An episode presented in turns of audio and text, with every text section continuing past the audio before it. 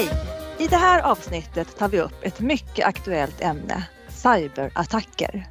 I samband med Rysslands invasion av Ukraina är cyberattacker det mest påtagliga hotet mot Sverige just nu enligt Försvarsmakten. Redan före den 24 februari när Ryssland invaderade Ukraina kunde man läsa i media att det inte är frågan om ett företag eller en organisation ska bli utsatt för ett IT-angrepp utan när. Den 16 december 2021 utsattes Kalix kommun i Norrbotten av en IT-attack. Attacken slog ut stora delar av kommunens verksamhet och ingen vågade använda datorerna. Hackarna krävde dessutom en lösensumma i bitcoin. Vi har bjudit in Åsa Moss, HR-chef i Kalix kommun och Sara Gam, systemförvaltare i kommunen för att höra hur de hanterade och löste krisen. Välkomna! Tack! Tack! Och min bisittare är Senny Sjölund, branschansvarig för lön på SRF-konsulterna. Välkommen till dig också Senny! Tack och hej! Och jag heter Katarina Sand och jag arbetar på rekryteringsbyrån WISE Professionals. Och Lönepodden gör vi i samarbete med SRF-konsulterna och Knowit. Åsa Moss, HR-chef och löneansvarig i Kalix kommun. Jag vänder mig till dig först. För jag skulle vilja att du tar oss tillbaka till den där torsdagen den 16 december 2021 när du kom till jobbet på morgonen. Berätta, vad var det som hände? Ja, det var ju en vanlig morgon först. Jag gick till jobbet som vanligt. Det började närma sig jul, otroligt fint ute. Vi har snö, eller vi har snö nu, vi hade snö då också. Men man gick som nästan och räknade ner dagarna till jul, att vad skönt det ska få vara och bli lite ledig. Och kom in på jobbet där vid åtta. Fick direkt höra, jag hade inte ens tagit av mig mina kläder, att vi kom inte in i lönesystemet. Och jag bara, ja men det är lugnt, ni vet ju det kan ju vara lite rackel ibland och det löser sig snart. Men vi har också ganska eh, morgonpigga medarbetare så jag tror att de första är nog här redan där kring sju så de hade ju suttit och väntat en timme. Men jag bara nej men det löser sig, det är lugnt, prata med IT. Eh, tiden gick, jag kunde ju logga in i min dator eh, men kom inte åt min mail eh, och massor som jag inte kom åt. Jag kunde gå ut på internet, det var nog det jag kunde göra. Eh, det bara viskas lite här i korridorerna att, att vi har blivit hackade. Och jag bara, men sluta nu och lyssna på rykten. Vi vet ju inte vad som har hänt. Det löser sig säkert alldeles strax. Fick veta där, jag tror det kanske var vid nio på morgonen, då liksom vart det officiellt att ja, det är faktiskt, vi är hackade.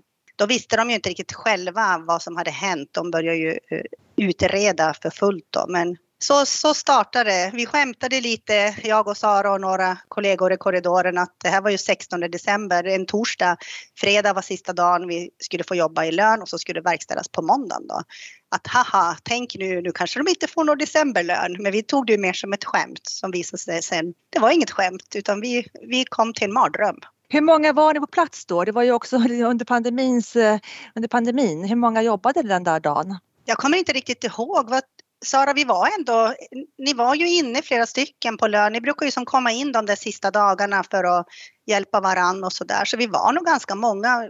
Ni är ju sex lönehandläggare. Sen är ju även eh, andra funktioner hos mig, men jag vill minnas att alla var här Sara. Jag kan inte riktigt komma ihåg. Eh, nej, det stämmer nog bra. Eh, för eh, sista dagarna innan alltid när vi ska verkställa eh, så är vi alla fysiskt på plats för att det är lättare att fördela och prata med varandra och det. Så att vi var nog alla på plats den dagen. Mm. Och Katarina, precis nu här 16 december, vi har ju haft pandemi som alla er andra i två års tid, men vi har ju som legat efter hela tiden. Så att just här hade vi en lite, lite lägre, det hade som inte riktigt dragit igång. Det gjorde det mer runt framåt eh, årsskiftet där, kring nyår, då riktigt slog det till hos oss. Så här var en liten, ändå lugnare pandemitid just i Kalix. Okej. Och visst är det så, ni har någonting på 1900 medarbetare som ni ska betala lön för? Lite mer va Sara? Ja, det brukar ju gå ut eh, kring närmare 2 500 löner om man räknar ja. med våra timanställda och arvodesanställda och sånt. Så cirka 2 500 löner. Och när det här hände då var ni i färd med att ni skulle betala ut en, en, en lite tidigare jullön, eller hur? Eh, 23 nu, skulle den gå ut, var tanken. Ja. Så lite spännande att höra då. Vad, vad var det ni, när det här då eh, spelades, eh, uppdagades, vad det var frågan om. Vad gjorde ni rent konkret? Vad gjorde du Åsa som ledare? Jag eh, hamnade direkt i det vi kallar krisledningsstab. Och vi hade ju möten, inte bara en gång om dagen, det var flera gånger om dagen. Försökte samla på oss information. Vi fick sitta där och berätta. Vi var ju från alla förvaltningar och sitta och berätta hur det här påverkar oss. Och flaggade ju direkt då att, att det här är risk nu för att vi inte kommer kunna betala ut lön. Sen visste ju inte vi riktigt där när allting startade den 16. Vi förstod ju inte då hur allvarligt det var. Vi, vi tänkte att det kanske går att fixa. Men det visade sig ju sen att, att det var ju värre än vad vi trodde. De hade ju kapat allt. Vi kunde ju inte skriva ut, vi kunde inte använda våra telefoner för de har vi i datorn. Vi kunde inte, jag inte jobba i något verksamhetssystem. Alltså, det kom ju också samma dag Sara att vi fick stänga ner, fick inte ens ha datorerna igång. Hade ni på något sätt förberett er på något liknande? Vi gör ju varje, hela tiden våra kontinuitetsplaner. Eh, Sara är ju med där också och det vi hade tänkt är ju vi har två systemförvaltare, ja men att de, någon av dem blir sjuk till exempel och lite så hade vi vi har en samverkan med en grannkommun då, att vi går in och hjälper varann om det. Eh, men vi hade väl inte våran vildaste fantasi Sara trott att vi skulle bli helt utestängda från systemet. Den, den hade vi inte med i våran plan. Nej. Okej, okay. det är väldigt spännande att höra nu då, fortsättningen. Ni får fortsätta berätta vad, vad det var som hände och hur ni agerade i detta läge. Men det var ju redan på torsdagen där, Sara du började ju tänka att våran, våran backup-plan var ju att vi betalar ut novemberlönen då en gång till. Vi kör en repris. Så. Sara, du tog ju kontakt med banken samma dag och kollade den möjligheten. Och det gick ju bra, men du var ju som inte nöjd med det för du insåg att det här blir mycket jobb. Så att du kom på en otroligt bra idé som du kan berätta. Ja, vad spännande. Berätta Sara. Eh, ja, nej men alltså Alltså vi insåg ju ganska snabbt att eh, ja, men decemberlönen då låg i farozonen. Eh, och och eh, som Åsa nämnde så kollade vi upp ganska snabbt med banken ehm, om det är möjligt att köra om novembers löneutbetalning. Eh, och det var ju fullt möjligt. Eh, men vi insåg ju då där att det skulle innebära otroligt mycket rättningar eh, och sen också att många personer riskerar att stå utan lön till jul, till exempel nyanställda eh, eller intermittenta, våra timanställda som har jobbat då in, i november men kanske inte oktober och fick en lön. Så att det var ju väldigt mycket så där att det kändes ju inte bra att vi ville hitta en annan lösning helt enkelt. Eh, och det var ju faktiskt på förmiddagen på fredagen eh, som vi satt, jag och Åsa, vår ekonomichef eh, och vår redovisningsansvarige. Eh, satt och bollade lite eh, och eh, det var då eh, som eh, jag kom att tänka på att jag undrar om vi har våran backup. För vi tar ju backuper dagligen. Att eh, om den är ren och att vi kan ta den här backupen och skicka den till våran systemleverantör Visma och att de då kan i sin tur ta in den i sina system och verkställa decemberlönen. För... Och vilken del av Visma, ska vi ta in det här då, vilken del av Visma var det? Visma är så stort. Eh, jo, Visma Personec P, lönesystemet. Ja. Mm. Mm. Eh, så att eh, eh, vi tog ju direkt, Jeanette eh, hade ju som tur var vår kontaktperson på Visma eh, i sin mobil så hon ringde upp han och han skulle genast börja dra i sina trådar. Så att eh, just efter lunch så fick vi ju koppla upp oss då och ha ett telefonmöte eh, eftersom alla system var utslagna så fick vi ju ha på högtalare. Och med diverse olika då nyckelpersoner inom Visma och eh, där får vi då bekräftat av Visma att eh, våran idé är fullt möjlig. Det är ingenting de någonsin har gjort förut men rent teoretiskt så ska det ju fungera. Så att eh, vi fick ju ha där då lite diverse eh, diskussioner och en från vår IT-avdelning eh, var ju även med här på de rent tekniska frågorna. För vi behövde ju då säkerställa även då att våran backup var ren. Eh, men eh, det var ju en... När du säger ren, vad menar du då? När backupen är ren? Ja men precis. Det är ju eh, så inte den är om man säger infekterad av något virus. Jaha okej, okay, du menar okej okay, förlåt. Okay, ja, och inte ja. krypterad också. Precis. Mm. För mm. vi vart ju, det var ju en så kallad ransomware-attack vi vart utsatt för. Vilket innebär Det vill säga en utpressningsattack va?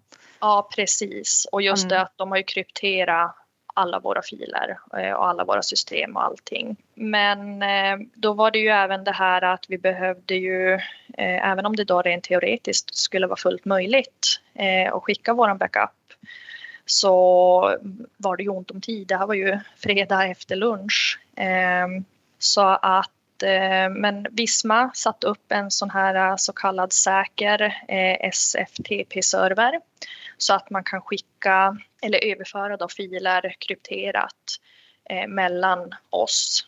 För det är ju känsliga uppgifter det handlar om. Eh, och att de behövde uppgifterna då senast på lördag klockan 18 för att de då skulle kunna göra det här. Eh, så att eh, vi hade ju väldigt mycket kontakt hela eftermiddagen där. Eh, och även då stämma av med banken när de absolut senast måste få bankfilen för att kunna betala ut då decemberlönen. Ehm, så att ehm, det var ju, det var ju väldigt stressigt alltså. Ehm, och vi fick ju då att, av banken, de gav ju oss som lite extra tid så att vi fick ju på oss till senast tisdag morgon då den 21 december eh, behöver de filen men att eh, då kommer inte lönespecerna hinna komma ut innan som de brukar göra. Eh, men det sa vi att det är ju helt okej, okay, eh, bara de får lön. Eh, och sen kunde de ju inte garantera att våra medarbetare hade lönen på kontot 0001 eh, den 23 utan att de kommer droppa in under förmiddagen. Eh, men eh, det kände vi ju att det är ju det bästa alternativet för att då får de sin decemberlön även om den kanske kommer in klockan åtta på morgonen. Så ni jobbade liksom dygnet runt där och hela helgen förstår jag också då? Ja, IT jobbade hela helgen. Jag och Sara, Sara satt i Piteå på en handbollskupp och jag var hemma och förberedde glöggmys med mina vänner. Men vi, vi var väl inte riktigt med i huvudet där vi var Sara. För vi hade ju, du hade kontakt med IT. Vi ringde ju på mobilerna och mycket via Messenger och vi försökte eh, ja, få. Och på eftermiddagen fick du ett meddelande Sara, som inte vi var så glada för. Ja men precis. Eh, jag var ju eh, med min äldsta dotter på handbollscup i Piteå och man hade ju, mina tankar var ju bara på jobbet. Alltså, eh, så man satt ju klistrad vid telefon och väntade på det här samtalet från IT om de har lyckats ladda upp våran backup. Och det var mitt mellan två matcher då som, eller ja, vi var egentligen på väg ut på planen för jag är tränare också för laget. Så eh, då, då ringer telefon eh, och jag ser ju då att det är vår IT-avdelning så jag svarar ju då. Eh, och eh, då säger de att det är kört, att backupen är krypterad, att den går inte att ladda upp och så frågar han att ska vi ta kolla backupen från dagen innan det. Så att jag bara ja, gör det. alltså mm. allting, hellre att vi tappar en dags arbete än att vi måste köra ut novemberlönen. Så att eh, ja, när man ville på då han skulle kolla det. Eh, ungefär en timme senare så ringer han och bekräftar att backupen är uppladdad på den här servern då. Att mm, wow! Ja, så det var ju otrolig lycka. Så eh, jag ringde, ringde ju direkt till Åsa helt eh, överlycklig och sa då. Det var som vi hade vunnit på Lotto. Ni ska bara ja. veta känslan. Man, man ja. var helt tårögd när man hörde det. Mm. Ja. ja. Man kan ju tänka det att det finns ju löner som, det är alltid illa kan man tycka när lönen liksom inte kommer ut av olika skäl. Ni satt ju i ett läge som var helt oväntat och svårt att förutse men också på just den månaden, decemberlönen, när man vet att det är det är mycket som händer och det ska bli uppdateringar efter årsskiftet och det är, man vill inte ha för mycket retroaktiv hantering, försöka få med så mycket som möjligt. Så jag kan tänka mig att stressnivån var ganska hög hos dig Sara. Eller hur tog du det där? Ja, nej men alltså från den dagen eh, på torsdag där då när det vart bekräftat att det var en attack, alltså man var ju i högvarv. Alltså man kunde ju inte tänka på annat. Man var ju helt och som du säger, alltså man tänker ju bara framåt alla scenarion, alltså vad det innebär dels för alla medarbetare om de blir utan lön till jul som man vet är en otroligt viktig lön för många. Eh, och sen då allt efterarbete det skulle innebära. Alltså, nej, så att det var jag kan säga att det, det har varit en annorlunda jul för oss. Ja, mycket. Men Sara, det här var ju bara steg ett. Vi skulle igenom tre steg. Ja. Men nu hade vi åtminstone klarat av egentligen den största uppförsbacken. Mm, Att det, ens fick, att det ens var möjligt att göra det här. Så vi var ju inte i mål där faktiskt. Men vi Nej, hade kommit en bit på väg. Mm, vad spännande. Mm. Sara? Eh, jo, nej men eh, lördagen då, då som sagt, vi var ju överlyckliga över att steg ett av tre var avklarad. Eh, men eh, även om det då var en stor glädje för oss eh, så var det ju även då söndagen gick man ju med en stor oro hela dagen inför då måndagen. Eh, för då innebar det ju att eh, steg två skulle klaras. Att eh, Visma då ska kunna ta in våran backup i sin miljö eh, och att allting då är okej. Så att eh, vi var ju även då på måndagen eh, på helspänn eh, och väntade på svar från Visma. Eh, jag hade ju jättemycket mail och sms-kontakt eh, på min privata telefon då eftersom alla, jobbtelefoner och mail låg nere. Så att eh, de bekräftade på förmiddagen på måndag den 20 december att de har lyckats ta in våran backup i sin SAS-miljö och att allting ser okej ut. Så klockan 14 fick jag en mötesbokning då av Visma att vi skulle verkställa decemberlönen tillsammans. Ehm, så att jag får ju ta min jobbdator som då IT har gått igenom och ser så att inte den har någon infekterat i sig. Ehm, att den är ren. Ehm, så jag får ta den, hoppa in i bilen och blåsa hem för att vi hade ju inget internet ens. Så jag kopplade upp mig då hemma på det här mötet med Visma Eh, där vi har då bilddelning och även inspelning eh, av själva mötet då. Så att eh, då verkställer ju jag decemberlönen då tillsammans med två konsulter från Visma och tar fram den här bankfilen eh, som ska gå då till Swedbank. Eh, och det är ju här som vi då stöter på lite patrull att eh, ja men hur ska vi få filen till Swedbank? För nu är ju den där nere i södra Sverige hos Visma. Eh, och de kan ju inte skicka in den här bankfilen till Swedbank. Eh, men eh, då gör vi ju att eh, de laddade upp den precis på den där servern eh, där vi laddade upp backupen. Så de laddade upp bankfilen där och så får vi hämta hem den då lokalt hos oss. Just i och för med allt det här med känsliga uppgifter och sånt. Så det var ju väldigt smidigt. Eh, så att jag får ju tag då i bankfilen eh, men då har vi ju såna här automatiska exporter som går till banken och de ligger ju nere. Så att då var det ju, ja hur ska vi lösa det här då? Hur ska vi få den här filen till banken? Eh, jag pratar ju då med vår kontaktperson här på vårt lokala bankkontor Eh, och eh, kommer fram till att vi måste ladda upp den manuellt då eh, i internetbanken. Och där hade vi ju jättemycket problem. Vi fick inte iväg filen, det kom bara felmeddelanden. Eh, så jag satt ju mycket i telefonkontakt med tekniksupport på Swedbank och försökte hitta vad, vad som är fel. Och då är det ju att eh, vi har ju som en så kallad sigillnyckel eh, för våra filer och den överensstämmer ju inte mot när vi ska ladda upp den manuellt. Eh, så att där fick vi ju eh, göra manuell handpåläggning. Eh, vi fick gå in i den här textfilen och korrigera alla sigillnycklar för de ligger ju på diverse ställen eh, och ändra det då manuellt och då går den äntligen in. Så att eh, då fick vi hurra igen. Och vilket datum är vi nu på? Eh, eftermiddag måndag den 20 december. Okej.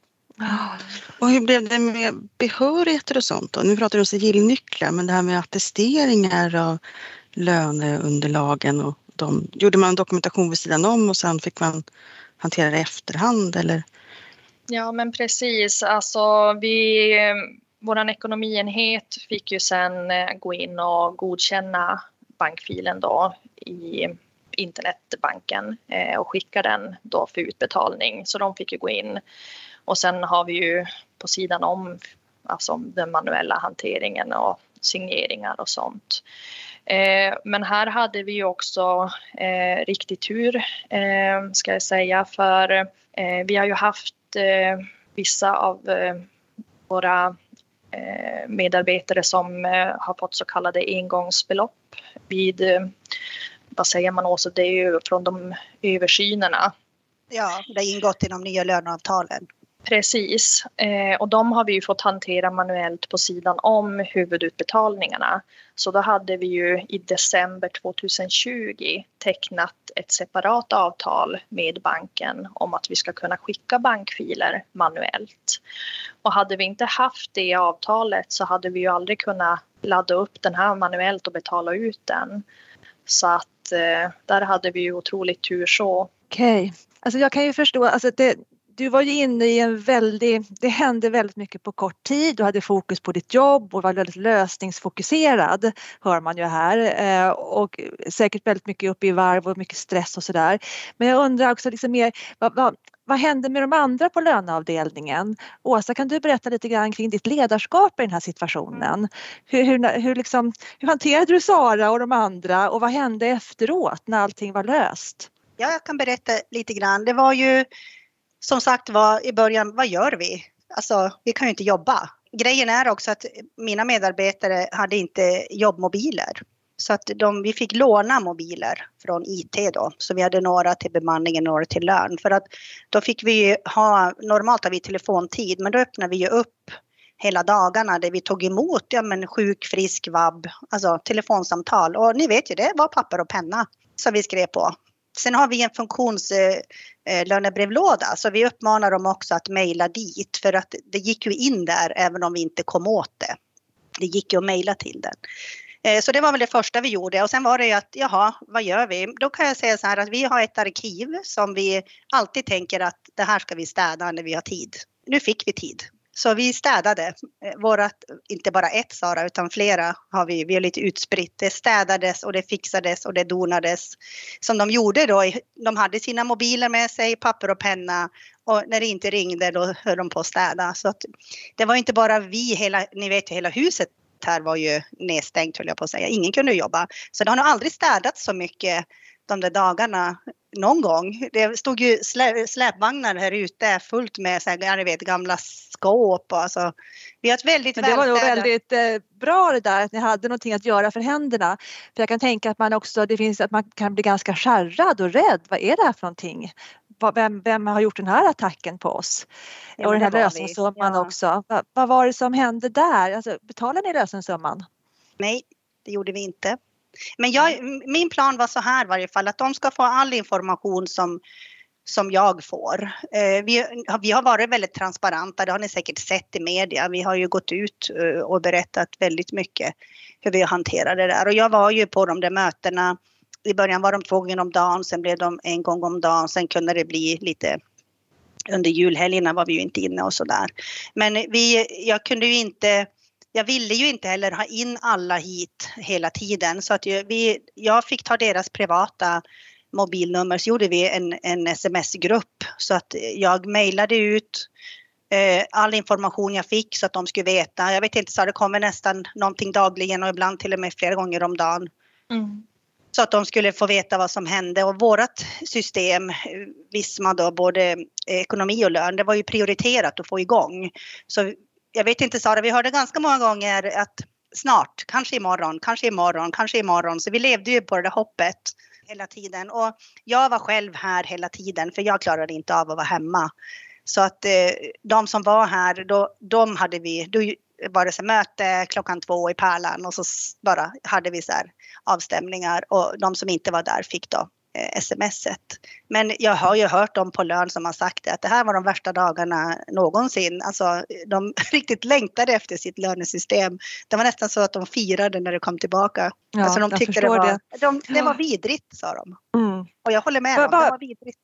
det var vidrigt, jag förstår. Eh, och då är, då är jag intresserad av att höra vad, vad, alltså vad, vilka lärdomar drog ni och hur förbereder ni er framåt nu om någonting mer skulle hända och det är ju så aktuellt nu med, med Ryssland här nu. Va, hur, hur har ni tänkt och hur har ni agerat framåt nu? Mm. Det, vi, det vi redan hade pratat om innan den här stora attacken, det var ju att vi skulle ha den här SAS-lösningen då med, med Visma. Men vi hade fått information, det var jag och ekonomichefen, men vi hade inte tagit beslutet. Men vi bestämde väl ganska direkt när kraschen där var att ja, det är den vägen vi ska gå. Så att vi är på väg dit nu. Vi kommer flytta över det då. För då kommer vi känna mycket mer säkerhet. Det vi behöver då är att vi har internet.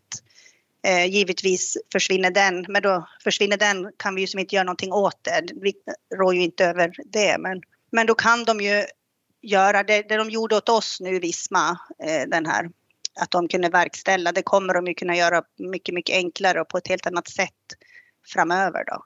Och skulle mm. det bli så att det händer igen, då tänker vi att ja, så länge vi har internet så går det ju att ta sin dator och åka hem och jobba då, om det inte går att vara på jobbet då. Mm. Så det är väl det stora vi har framåt, att vi, vi flyttar den över dit. Jag måste bara fråga, alltså, ni hade ju ganska många som förväntade sig löneutbetalningar och det var ju som ni säger ganska känt att det var någonting som inte var som det skulle vara. Och brukar vara ganska angeläget att få ut sin lön. Hur hanterade ni övriga medarbetare? Deras, kunde ni informera dem på något sätt eller hur lång tid tog det innan de förstod att lönen var i riskzonen att få ut till julafton? Men vi var ju transparenta där också. Vi hade ju inte ens våra, som jag sa, de tog ju till och med vår externa hemsida. Vi hade inget sätt att kunna mm. kommunicera med våra medarbetare. Så att vi eh, ganska snabbt fixade info en, en tillfällig extern hemsida där vi uppmanar alla att logga in och där skrev ju all sån där information Eh, vi skrev också när vi började som förstå att det här kanske går, att de ska ha koll på sin eh, gå in och titta i din internetbank att betalningen kommer. Vi visste också Sara att om vi ska göra extra utbetalningar så var det ju mycket lättare, till, det gick ju fortare till Swedbank-kunderna än de andra. Att de själva skulle ha lite koll. Så ja, men... vi försökte ju informera, det var ingenting vi hymlade om på något sätt att det var risk. Nej, för det kan ju vara svårt annars att nå ut tänker man i den, jag måste också bara passa på att fråga Sara, hur mycket efterarbete blev det då på allt det här som när ni gick in på en tidigare liksom, uppsättning om man säger så i, i systemet?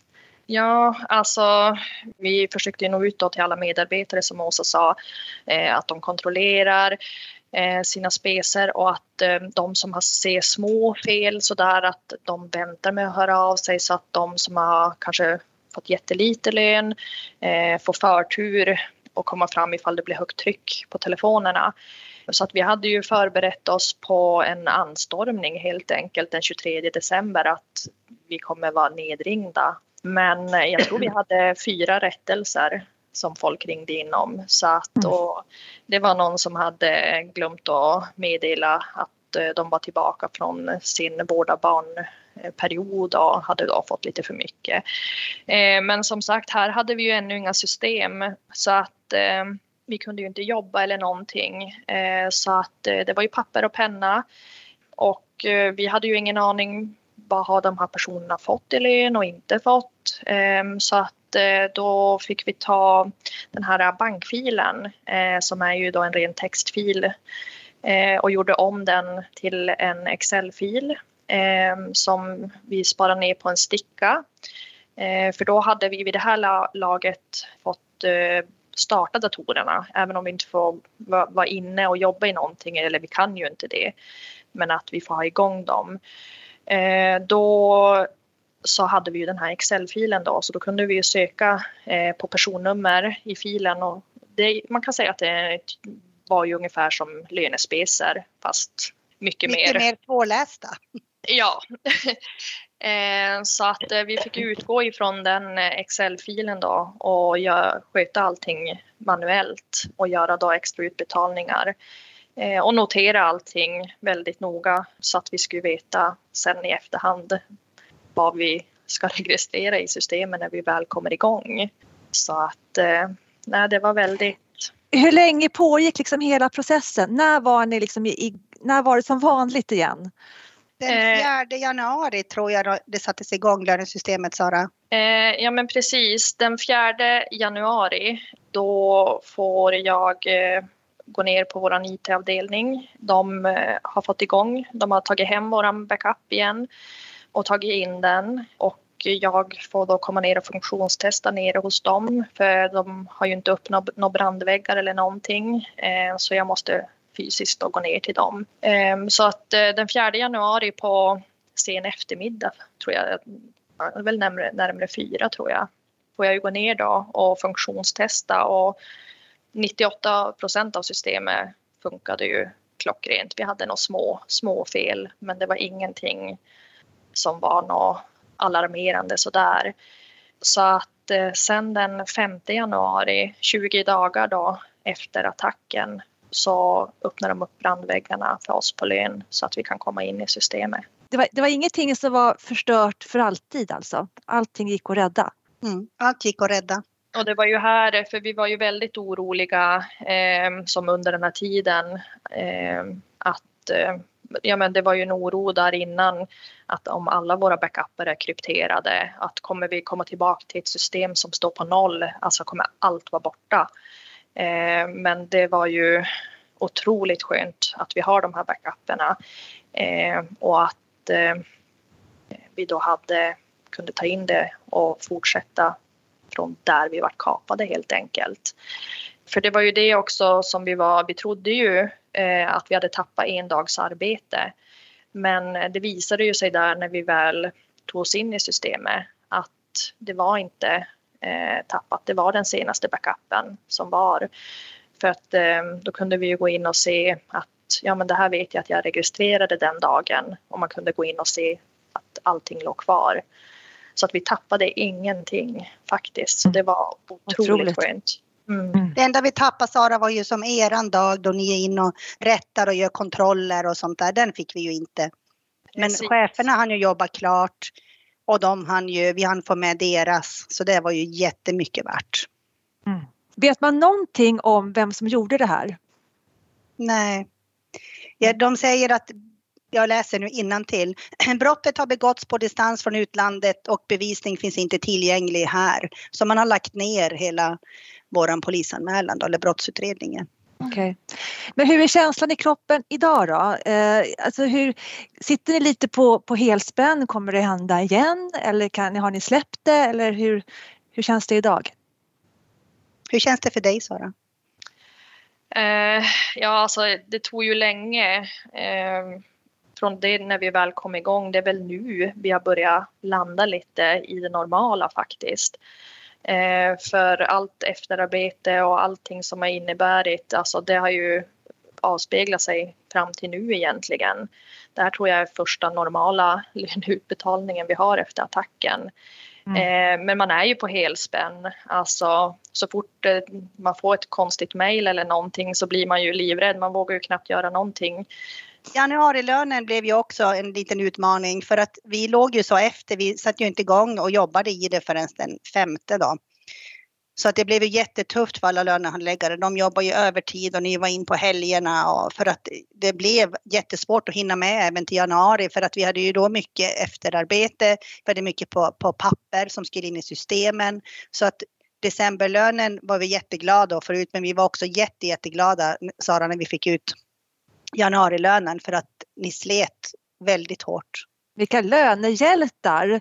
Och speciellt vad jag förstår att du Sara gjorde ju liksom ett hjältedåd. Så är det. Mm. Så är det. Vi har skämtat och sagt att vi ska, som i hockeyhallar, vi ska hänga upp hennes tröja i taket där ute i Ja, det tycker jag.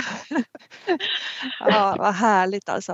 Eh, men eh, några sådana konkreta medskick då till, till lyssnarna som hör, hör er historia här nu. Vad ska man, hur ska man liksom angripa det här om man liksom inte har tänkt i de här banorna riktigt tidigare och ska nu börja ja, mentalt förbereda sig för att det värsta skulle kunna hända. Vad, vad ger ni för medskick till, till lyssnarna? Dra våra tips Sara som, som du, vi har räknat upp här.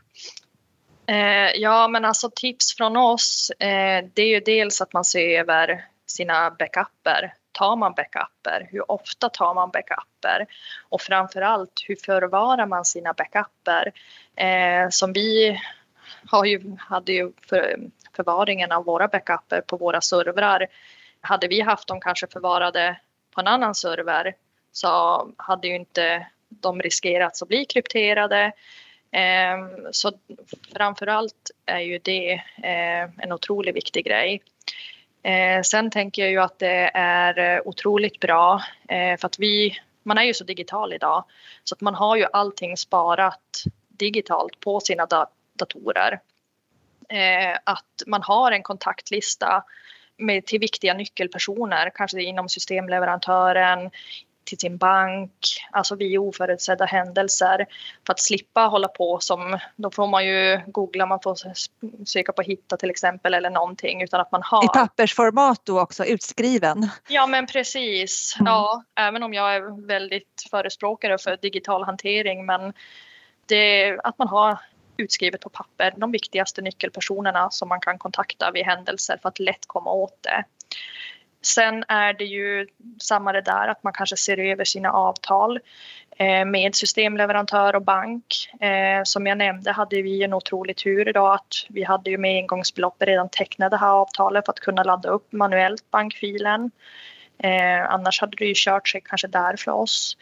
Att man ser över de här viktigaste bitarna och egentligen tänker om det här händer oss och ser över då att man har alla steg kanske eh, utstakade. Eh, och som Åsa pratade om, eh, som vi är ju en lite mindre kommun eh, och vi går ju över då till en SAS-lösning nu. Så det är ju också för att säkerställa att även om vi blir utsatta igen, att bara vi har tillkomst till internet så kan vi ändå jobba. Och att man har sin eh, kontinuitetsplan Eh, och följer upp den löpande. Eh, sen är det ju även viktigt, alltså som vi ser alltså hos oss, alltså på lön, alltså en planering och en prioritetsordning. Alltså som vi sa att allt det här kan vänta, det är ingen panik, alltså att, att man vet vad man ska prioritera. Ja, och sen också kontaktvägar eh, som Åsa sa, att hur ska vi nå ut till alla medarbetare? Eftersom allting, och där hade det vi ju då fantastiskt att våran info de kunde sätta upp väldigt snabbt då en ny extern webbsida som vi kunde nå ut. Sen kanske se över sin lösenordshantering. Hur har man för rutiner där? Eh, och framför allt också att höja kunskapen internt inom just då IT-säkerhet. För det är ju tyvärr alltså kanske inte alla har nog mycket kunskap och hur stort det kan påverka. Mm. Och sen att våga berätta. För det tror jag vi har vunnit mycket på. Eh, våga att... polisanmäla också eller? Ja men precis. Ut i media och berätta också. Mm. Ja. Vi har ju fått så himla mycket hjälp eftersom vi var så transparenta. Jag vet ju när vi kontakt, kontakt med både Visma och Swedbank Sara, de, de liksom var ju på tå. Alltså de bara, vi förstår hur ni har det. Vi, det ringde ju till och med leverantörer till oss med andra system. Hur kan vi hjälpa till? Alltså de otroligt mm. behjälpliga har alla varit måste jag säga. Mm. Så om inte vi hade berättat hade ju ingen vetat om det. Då hade vi ju inte kunnat få den här hjälpen. Nej, för jag läste någonstans eh, inför min eh, alltså research inför det här avsnittet att det är bara 5% ungefär som polisanmäls. Att det finns ett stort mörkertal när det gäller cyberbrott, cyberattacker. Ja, och det kan man också säga det att om man inte polisanmäler så får ju inte polisen heller mer medel för att kunna utreda de här sakerna. Så då sitter ju mm. polisen i en sån situation att de inte kan, och de kan inte se till att vi slipper de här attackerna, att vi sätter fast dem, för de, har inte, de får inte rätt resurser. Så det är Nej. jätteviktigt att polisanmäla. Precis. Det som också, vi har ju haft lite tur på våran resa. Ett, en annan sak som vi hade tur med det var ju att jag brukar kalla den pandemivargen var ju att flåsa oss i nacken. Och ju mer tiden gick så såg vi ju smittan alltså riktigt tokökade här uppe i Norrbotten. Och vi var jätteoroliga för, för medarbetarna på lön för de var ju tvungna att jobba här. Vi kunde inte jobba hemma i början för de hade ingen VPN-tunnel i början. Plus att man var tvungen att ha en jobbmobil. Och det hade ju inte mina medarbetare så jag beställde ju det såklart men de kommer ju inte dagen efter. Så vi var ju så himla himla oroliga Sara att någon skulle bli sjuk det var ju nog hög arbetsbelastning ändå. Vi verkställde lönen vill jag minnas Sara på en måndag. i januari. På tisdagen kom vår första covid på lön. Så förstår ni vilken tur Mm. vi hade. Verkligen. Så vi, vi har haft tur Otroligt. på vår resa också. Mm. Fast det känns nu- ändå som att ni har en, en grupp som funkar, ett ledarskap som är tydligt och transparent och att ni har förtroende för varandra. Det är det som lite kommer ut ifrån det här samtalet tycker jag, att ni visar på hur mycket samverkan kan göra och att man är den här, som du, jag vet inte, du har nämnt det många gånger Åsa, transparent, hjälpa till, stötta varandra, uppmärksamma när man gör Mm. bra saker. Och det ger ju också ett mod i att göra de här sakerna som du gör Sara, att man kan ta plats och kliver Mm. fram. Ja, precis. Och sätta sig i förarsätet som du gjorde Sara, att du verkligen Mm. tog liksom, jag ska bara lösa det här och du Mm. löste det. Och vi litar på henne till 100 procent kan jag säga. Åsa, jag är nyfiken också på liksom hur du tänkte kring, eller tänkte fel kanske, men hur du, ditt, ditt ledarskap under den här perioden, om du har några medskick där som du kan ge lyssnaren. Vad, vad är viktigt att tänka på ur ett ledarskapsperspektiv? Men jag tänker väl det här att eh, vara närvarande och nu kan man ju, behöver man ju inte fysiskt vara men vara en, närvarande chef för att man, det var frågor hela, hela tiden. Och också informera, hellre för mycket än för lite. Jag försökte hela tiden, alla små saker som kom, positiva saker som kom, peppa. Så det, det skulle jag väl verkligen vilja säga. Och sen också att, att det här att eh, när man har så här duktiga medarbetare, att se till att de liksom får sin fulla potential, att liksom lita på dem, låt dem komma med idéer. Mm. För att det, är ofta väldigt, väldigt bra idéer. Mm. Jag hade aldrig kommit på den här idén själv, det kan jag säga. Jag jobbar ju inte med lön, så för mig, det Sara berättar, vissa saker när hon, i processen förstår jag ju inte ens. Medan för henne är det helt självklart och jag antar för Senny också, men för mig känns de bara, mm, bra gjort. Ja. Otroligt, alltså vi är ett team. Och det ser man att eh, hos oss, där ni var inne på att den här tiden Sara, alla liksom bara kavlade upp armarna och hjälpte till. Det, vi fick ju dra in ledigheter och det, inte ett gnäll utan alla bara, vi ska fixa det här. Har det Mm. stärkt er som grupp efteråt också? Ja, det tror jag. Att vi, liksom, att vi ser att vi, ja, vi, kan, vi kan nästan lösa det omöjliga. För det här var, kändes helt omöjligt och overkligt. Det var som att jag var en film kan jag säga. Det är ett sådant exempel som man nästan inte vågar dra upp om man skulle göra någonting som visar på hur sårbart lön är. Att man får en ransom den 16 december eh, inför allt som ska göras. Så verkligen hatten av måste jag säga. Ja, verkligen. Jag tänkte avsluta med, med, med dig Senni. Du har ju ett helikopterperspektiv. Du träffar många, möter många systemleverantörer och eh, många löneavdelningar i Sverige. Så att jag tänkte höra lite med dig. Vad, va, vad ser du? Va, vad hör du och ser du och vilket medskick vill du ge utifrån ditt perspektiv? Jag tänker det som, som Åsa var inne på det här med att man måste vara transparent. Jag tror att det händer mycket mer än vad man faktiskt vill säga för att man är i en sån känslig funktion. Eh, man vill inte blotta att man har haft en typ av attack eller andra. Vi vet att det förekommer. Vi vet att bedrägerier på olika sätt förekommer. Det här är ju en typ av bedrägerier men det finns så många fler som man måste varse kring. Och lön är en utsatt funktion. Eh, för att det kan ibland vara kanske mindre kontroller om man inte eh, arbetar med det på rätt sätt. Så att det gäller ju verkligen att ha en strategi och jobba nära IT för vi kan inte förvänta oss att löneavdelningarna har kompetensen. Bedragarna ligger långt i, i framkant för polisen och andra så att det här gäller att man har ett stor tilltro till sin IT-avdelning eller den IT-leverantör man har och att man har en dialog och att man tänker över det som Sara var inne på också kring hur agerar vi kring lösenord? Vad har vi för policies? Och sen när det här händer så är det jätteviktigt att man vet vad man har gjort. För att eh, i en stressad situation få reda på hur du har agerat och hur du skulle ha agerat.